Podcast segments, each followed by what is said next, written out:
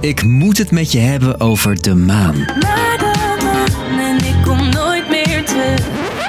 Ja, dat is ook maan, maar ik bedoel de maan. In jaren is het niet zo druk geweest in de ruimte. Raketten gaan af en aan naar de maan. Three, two, one. And liftoff of Artemis 1. Maar als je er eenmaal bent, na een tocht van honderdduizenden kilometers, wat moet je er dan? Heb je even? Ik ben Steef en ik maak even wat ruimte voor een baan naar de maan. Lang verhaal kort. Een podcast van NOS op 3 en 3FM. My daddy said uh, this morning, I can't believe it, but I said, well, you see it on television, it's true. Eind jaren 60 zat de hele wereld voor de tv. Een tv had lang niet iedereen, maar je zorgde er wel voor dat je op 21 juli 1969 een scherm voor je neus had. Oh, it's beautiful, Mike. It really is. Beautiful, just beautiful. Daarop kon je zien dat de eerste mens voet zette op de maan. It's one small step for man, one giant leap for mankind. Het was het slotstuk van wat een space race werd genoemd. Rusland, toen nog de Sovjet-Unie en Amerika streden om de eerste man op de maan. Vooral als prestigeproject, zegt wetenschapsjournalist Govert Schilling. De Verenigde Staten en de Sovjet-Unie die wilden alleen maar aan de anderen laten zien. Kijk hoe nauwkeurig wij onze raketten kunnen richten. Wees maar bang voor ons. Als we het op de maan kunnen, kan het ook op Washington. De twee landen vochten een koude oorlog met elkaar uit. Ze streden om steeds zwaardere kernwapens, welk systeem het beste werkt, communisme of democratie, en dus om de ruimte. Eind jaren 50 lukte het Rusland om voor het eerst een raket naar de maan te sturen. Een paar jaar later zat daar ook een astronaut in, maar die landde nog niet op de maan.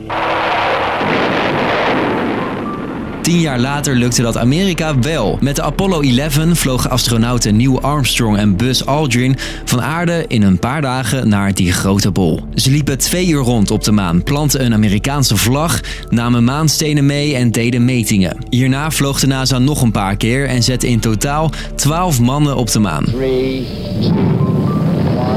En die retourtjes zorgden vooral voor meer kennis over de atmosfeer. Door apparatuur weten we nu hoe ver de maan van ons af is.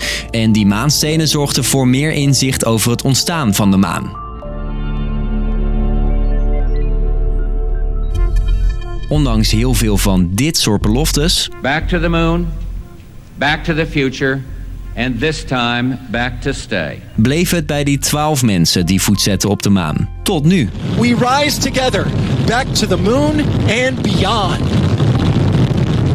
Er gaat opnieuw van alles naar de maan. Het doel is weer landen met mensen op de maan. En een vrouw op de maan. The first woman and the next man on the moon will both be American astronauts. Maar waarom willen we eigenlijk zo graag naar de maan? Een belangrijke reden, volgens wetenschapsjournalist Govert, prestige. Voor grote landen als China en de VS draait het allemaal om één vraag. Wie is de heerser op dit toneel? En de Verenigde Staten was natuurlijk altijd de leidinggevende op het gebied van de bemande ruimtevaart. En het is een heel zichtbaar en belangrijk en beeldbepalend element van onze samenleving. Als je dat kan, dan, dan stel je wat voor. Maar ja, wat maakt die maan dan zo prestigieus?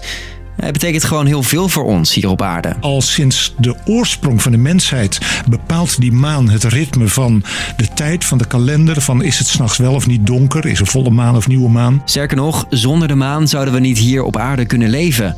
Beetje technisch verhaal, maar het komt erop neer dat de maan schadelijke stralingen tegenhoudt. Dat is best bijzonder om aan te denken als je vanavond eens een keer naar de maan staat te kijken. Oké, het wordt dus als een grote overwinning gezien om op de maan te staan. Maar kunnen we er verder nog iets halen? Jazeker, brandstof voor kernfusiereactoren, zegt Govert. Daarmee kun je in een kerncentrale stroom opwekken. Dus als we in de toekomst kernfusie willen gaan toepassen voor onze energievoorziening, dan zou de maan een belangrijke bron van brandstof kunnen zijn. another man and a woman to the moon, which is very exciting. Die mijlpaal van de jaren 60 nog even dunnetjes overdoen, dat is niet het plan van het Artemis-programma, zoals NASA de nieuwe maanmissie heeft genoemd. Het moet een stapje verder gaan. Eerst moet er een ruimtestation gebouwd worden die om de maan gaat cirkelen. Met de Orion-capsule kunnen daar astronauten naartoe. Die Orion-capsule die nu gelanceerd is, die gaat voorbij de maan en die komt ver achter de maan. Dus die wordt gelanceerd naar de maan en beyond. Dat is nog nooit gedaan. En dat ruimtestation wordt een soort overstapplek. Vanuit die overstap moeten astronauten in 2025 gaan landen op de zuidkant van de maan. Daar wordt onderzoek gedaan naar bijvoorbeeld water en gekeken of er bouwstoffen zijn.